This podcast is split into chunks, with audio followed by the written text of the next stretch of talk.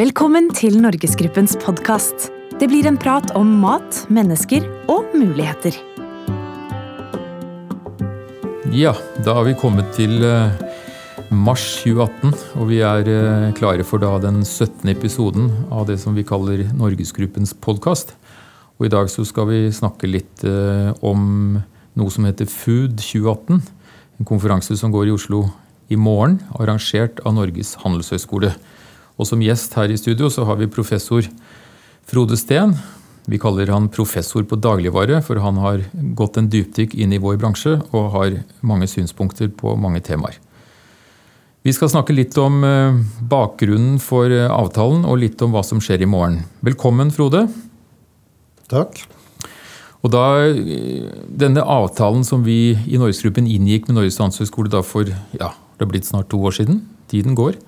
Eh, hva er innholdet i avtalen? Hva er formålet og hensikten med en, med en sånn avtale mellom en dagligvaregruppering og en, en, en høyskole eller universitet eh, som driver med forskning og utdannelse av studenter? Jeg tenker på mange måter at det er en skolebokeksempel på en avtale mellom akademia og næring. I den forstand at her eh, får man fram mer og ny forskning som man ikke ville fått fram ellers. Eh, man får fram eh, utdannelse av studenter innenfor dagligvarebransjen. Eh, nå, så langt i prosjektet så har vi snart utdannet 25 studenter som har skrevet masteroppgaver rundt ulike problemstillinger i næringen. Vi får opp fokuset på bransjen. Vi håper å få enda mer fokus etter hvert så vi kommer bedre i gang i media òg, og, og være synlig. Og vi lærer mer. Avtalen dreier seg veldig mye om forskning. Det ligger både egne midler, det ligger et professorat inn osv. Det ligger denne Food 2018, en stor konferanse med over 300 mennesker i Oslo hvert år. Der bransje møter eh, akademia eh, og andre bransjedeltakere. Og endelig så har vi eh, eh Så er det, er det jeg kaller et litt sånn empirisk eh, prosjekt i den forstand at det er viktig å få fram mer fakta om denne bransjen. Og eh, her har vi en, unik mulighet gjennom å få tilgang til de dataene som Norgesgruppen besitter, og få analysert de for å lære mer om hvordan bransjen virker. Så en del av de oppgavene de 25 studentene de, de har hentet av kunnskap og datagrunnlag, bl.a. hos oss. Forskning som sådan er du inne på. Eh, er det matpriser, er det konkurranseforhold, eh, er det sortiment? Hva, hva er det dere hva, hva er spesielt interessert ja, fokuset, fokuset, vårt er primært konkurranse, og forstå konkurransen i bransjen. Eh, produktivitet. Eh, temaene vi ser på, er typisk eh, kan si priser, men det er bare indirekte. Det kan være så enkle spørsmål som hva driver deg til å reise til Sverige og handle? Mm.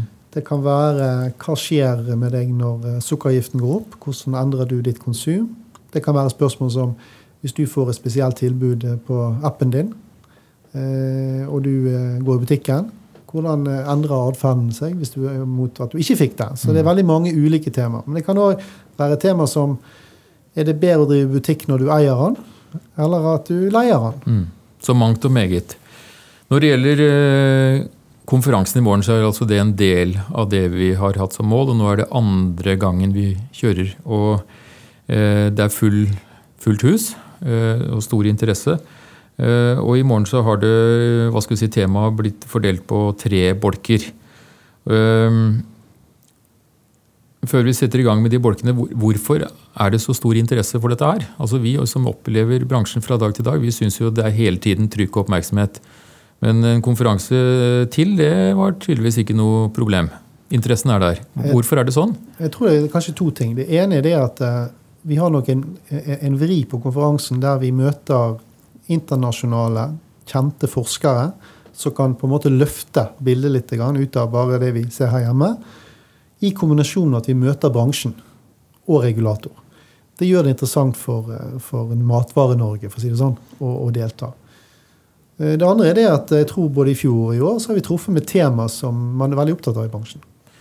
Du skal lede forsamlingen i morgen. og Disse tre bolkene som, som du sammen med programkomiteen har, eh, da har lansert. Den første heter førstetrekksfordeler. Hva, hva ligger i det? Ja, Det høres ut som et merkelig ord.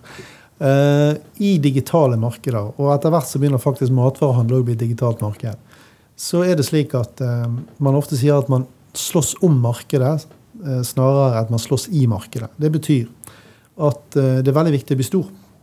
Og i markedet er det veldig viktig å bli stor. I de markedene er det ofte sånn at det er en fordel å komme først. Mm. Man taper gjerne mye underveis. Jeg syns netthandel er et godt eksempel. Vi har hatt masse aktører inne. Eh, nå har det vært en voldsom uttynning i det siste, og det er veldig spennende å se om de som er igjen, da, eh, måte blir store nok til å kunne tjene penger i dette markedet. Blir de det, så blir det veldig vanskelig å utfordre dem, og da har de førstetrekksfordeler. Mm. Skal ikke slå mynt på en som ikke er her, men eh, min første foredragsholder, Tor V. Andreassen, professorkollega fra deg, han, eh, han var veldig optimistisk på netthandel for noen år siden.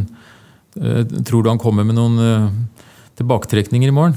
Nå er jo han ingen pessimist i dag heller, tror jeg. Og Nei. jeg tror nok at han ser en trend internasjonalt som han tror kommer i Norge.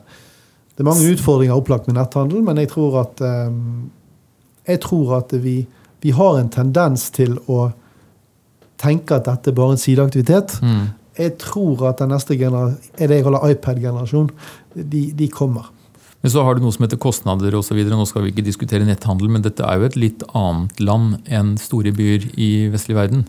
Helt enig, Ja. og det er, vel veldig, det er vel det både jeg og andre har sagt, at eh, vi, eh, man må få orden på kostnader kostnad til, til levering i Norge. Mm. Skal man få tjene penger på dette. Vent og se. Mm. Kosthold og konkurranse er tema to. Og der eh, har du bl.a. fått en professor fra Frankrike som jobber med kosthold og konkurranse, for å si det enkelt. Ja, Pierre Dubois, eh, en av verdens mest kjente forskere, absolutt en av de mest kjente i Europa innenfor sitt felt, konkurranse og, og, og eh, mat. Jobber med andre verdenskjente forskere. De har sett på ting som eksempelvis når konkurransen er forskjellig i markeder og prisene er forskjellige, påvirker det f.eks. sammensetningen av det du spiser. Spiser du mer eller mindre karbohydrater, protein osv.? Dette er veldig viktige og interessante ting, for det at f.eks. sukkerinnholdet i mat varierer på tvers av land. Mm. Og Det betyr at sykdomsbildet varierer på tvers av land. Og det er veldig viktig å forstå hvordan priser og konkurranse faktisk påvirker hva vi velger å spise. Tror du disse forholdene er ganske like i den vestlige verden? At Norge er på disse tingene ganske det du finner ute? Altså En, en franskmann kan snakke om oss om Norge. Jeg tror det. Eh, De har primært forsket på land som eh, USA, UK og Frankrike. Men jeg tror nok at Frankrike antakelig Vi ligger kanskje et sted mellom, eh, mellom UK og, Frankrike, men jeg tror ikke vi er, vi er veldig langt unna. Mm. Og så har Lars Sørgaard, selveste konkurransedirektøren, han har meldt seg på allerede i dag. Han har skrevet en kronikk i Dagens Næringsliv i dag, og det er vel litt av det han sannsynligvis også skal snakke om i morgen. Og han er skeptisk til at bransjen samarbeider selv på salt og sukker, og hva skal si, han kaller det samfunnsansvar. Selv der er det problematisk at aktørene konkurrerer. Nei, Unnskyld, samarbeider. Det er veldig vanskelig, og det som er veldig ofte utfordringen, er det at når du først setter deg ned som bransje og blir enig om noe som i, i prinsippet er bra, så kan det redusere konkurransen. og Vi har sett masse eksempler på det. Derfor har myndighetene ofte heller valgt å regulere marked eller å bruke si, avgiftsvåpenet. Men det er klart det er visse ulemper med det òg. Det tar for så vidt ikke Lars opp i dagens kronikk. Nei, men, men, men, men det er klart at eh, eksempelvis er det sånn at hvis du pålegger en avgift, så treffer den ulikt. Den treffer helt ulikt de som er veldig prissensitive. Kanskje de som har minst eh, dårligst økonomi. Versus de som ikke er prissensitive, eller alternativt har veldig god økonomi. Mens f.eks. regulering på saltinnhold, den treffer alle likt. Mm. Eller sukkerinnhold. Så det er ulike verktøy her. Ja. Det tredje temaet i morgen etter lunsj det er grensehandel.